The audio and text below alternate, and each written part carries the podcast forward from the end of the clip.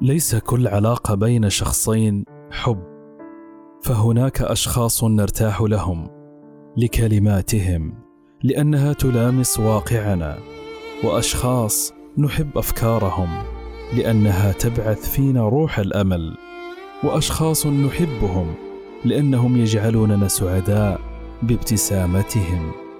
أما الحب فهو شيء يلامس القلب وتشعر به الروح وينشغل به الفكر هنيئا لمن يدق له القلب وتشعر به الروح وتشتاقه.